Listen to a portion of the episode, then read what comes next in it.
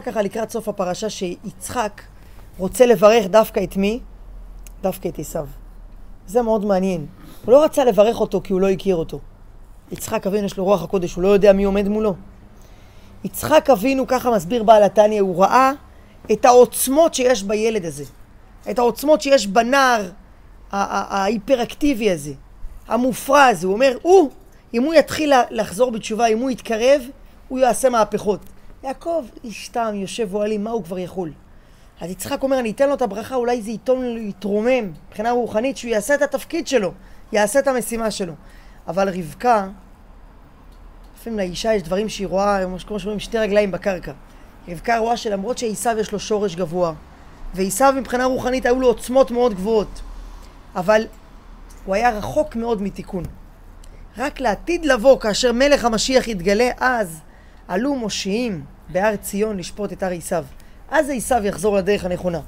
רבקה רואה שאם עשיו יקבל עכשיו את הברכות, זה כמו לתת לחמאס נשק. מה אתה חושב, תיתן לו נשק יהיה שקט?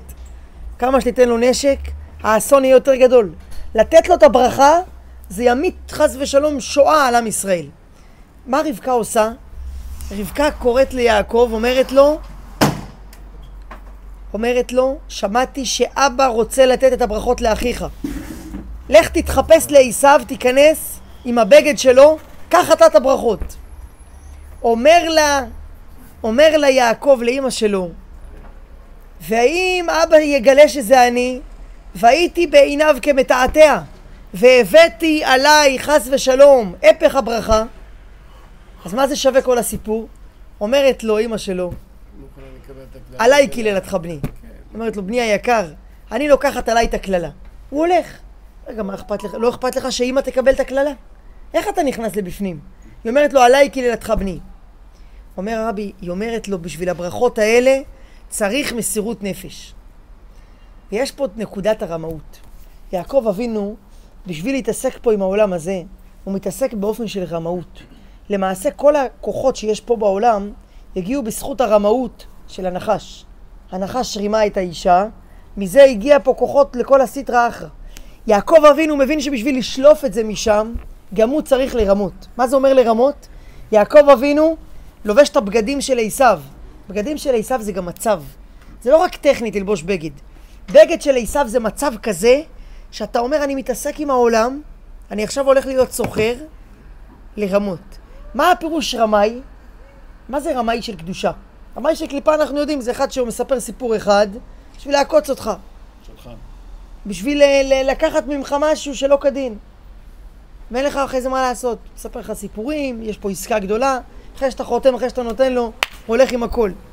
מה זה בעצם ההגדרה של רמאות? רמאי, יש לו כוונות אחרות, והוא אומר דברים אחרים. את מה שהוא אומר זה לא מה שהוא מתכוון. את מה שהוא באמת מתכוון, הוא בחיים לא יגיד, כי הוא בא פה לרמות. יהודי, אומר הרבי, צריך לגשת לתוך העולם הזה באופן של רמאות. מה זה נקרא רמאות? יש אדם שיוצא לעבודה, והוא אומר, כולם חושבים שאני פה בשביל לעשות כסף. האמת היא שאני פה בשביל רוחניות. אני מכיר שליחים של הרבי, שהם לא שליחים עם התואר של שליח, הם אנשי עסקים, אבל תוך כדי הם זוכים לקיים מצוות עם אנשים. הם לא עושים את זה רק כבדרך אגב, להפך. מנצלים את כל ההזדמנויות בשביל לחבר יהודים עם הקדוש ברוך הוא. יש חברה, אחת החברות של הבירה הגדולות בעולם, שהבעלים של החברה, לא בארצות הברית, הבעלים של החברה יהודי, והוא לא היה מוכן בשום אופן לעשות מכירת חמץ. באמת? יש לי דוד שהוא משגיח כשרות, והוא החליט שהוא מגיע אליו, אם אני לא טועה זה נקרא מנהטן ביר, הוא החליט שהוא מתלבש עליו עד שיהיה מכירת חמץ. למה הוא עושה את זה? עכשיו, בסוף, כאילו מבחינת אותו בן אדם זה ביזנס. אתה יודע, יש פה גוף אה, של גוף כשרות, כולם מרוויחים מזה בסוף. גם הכשרות מרוויחה, גם הבירה מרוויחה. אבל הוא ראה בזה, הוא ראה פה משהו אחר לגמרי. הוא ראה פה את הנשמה של היהודי. הוא הגיע, בדק מה המורשת שלו, התברר שהוא יהודי, אם אני לא טועה, הונגרי. הביא איתו את הדגים, את הגפילטה פיש הביתיים המקוריים, כמו שאותו אחד אהב. עוגת דבש, כמו שאתה ישב איתו ביחד, אחרי שהוא אכל והתחבר פתאום לשורשים מסורת בית אבא, היהודי הניח תפילין. פעם ראשונה מהבר מצווה, בן אדם קרוב לגיל 70, הניח תפילין, ואז פעם ראשונה בחיים הוא היה מוכן לחתום על שטר מכירת חמיץ. לא האמינו, כל אחר כך גופי כשרות גדולים אחרים אמרו, זה לא יכול להיות, זה מזויף. הוא לא היה מוכן, עקרונית, הוא לא היה מוכן. הוא אמר, המפעל בבעלותי, אני לא נותן בעלות פה לאף, אמרו לו, הוא יודע, אמר, אני יודע מה זה מכירת חמץ, לא מוכן לעשות מכירת חמץ. לא היה מוכן פרינציפ. ופתאום הוא זכה לעשות מכירת חמץ. עכשיו בשנים האחרונות הבירה הזאת יכלה לקבל כשרות, כי החומרים כשרים. הבעיה הייתה שהבעלות של יהודי, והוא לא מוכר חמץ, זה חמץ, אה, חמץ גמור, חמץ שעבר עליו הפסח. עכשיו, בעצם, אותו בן אדם שמקבל אותו לפגישה עסקית, מה הוא רואה פה? הוא אומר, איש עסקים שבא לעשות כסף. ייפגשו דרכנו, יהיה עסקה, לא ייפגשו דרכנו, לא יהיה עסקה. אבל הוא מגיע לשולחן, אומר, יש פה אדם שלא הניח תפילין מהבר מצווה. אולי הדברים יתגלגלו לידי כך ונצליח להניח איתו תפילין. הופ, הניח איתו תפילין. זכו גם כן בסוף לעשות מכירת חמץ. ואותו דבר, זה לא צריך לחפש שליחים בארצות הברית, אנשים במקומות רחוקים. כל אחד ואחד מהיושבים כאן, גם אלה בעזרת השם שרואים את, ה, את הדברי תורה, שומעים את זה אחר כך. צריך לדעת להיות רמאי. מה זה אומר רמאי? אתה לא צריך להגיד, אני באתי פה להניח איתך תפילין. אני באתי פה בשביל ש... שתקנה מזוזה. אני באתי לכאן בשביל לדבר איתך על כשרות. אתה רמאי. אתה אומר, אני באתי לעשות... בוא נדבר רק עסקים. אנחנו נפגשים לעסקים, עסקים ביושר. אוי ואבוי עם הרמאות בתוך העסקים, שם אין ברכה. ידוע א', ב', ג', ד'. אם יש אמון, יש ברכה. א', ב', אמון שווה ברכה. חס ושלום, גזל, גניבה, ד', דלות. חס ושלום, הדברים מתחילים להתרועע, ליפול, בן אדם יכול להגיע לפשיטת רגל, להגיע לחס ושלום לדלות. א', ב', ג', ד'.